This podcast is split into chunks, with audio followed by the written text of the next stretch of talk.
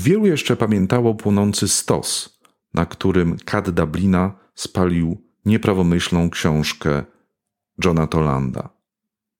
Na rynku ukazała się wtedy kolejna podejrzana publikacja.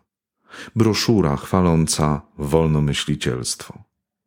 Jej autor, Anthony Collins, postulował poddanie wszelkich twierdzeń, także religijnej dogmatyki, osądowi rozumu.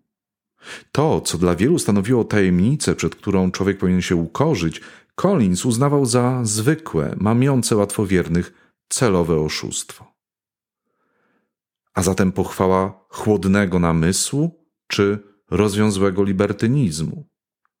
Niewielka książeczka, ale obrazoburcza i kąśliwa, trafiająca w samo sedno światopoglądowych i filozoficznych sporów.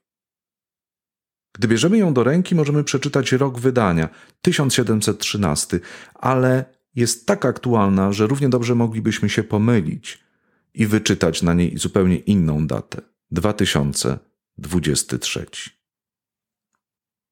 W najbliższy poniedziałek zapraszamy do wysłuchania kolejnego odcinka pogawędnika filozoficznego. Tym razem będzie to krótka opowieść o wolnomyślicielstwie.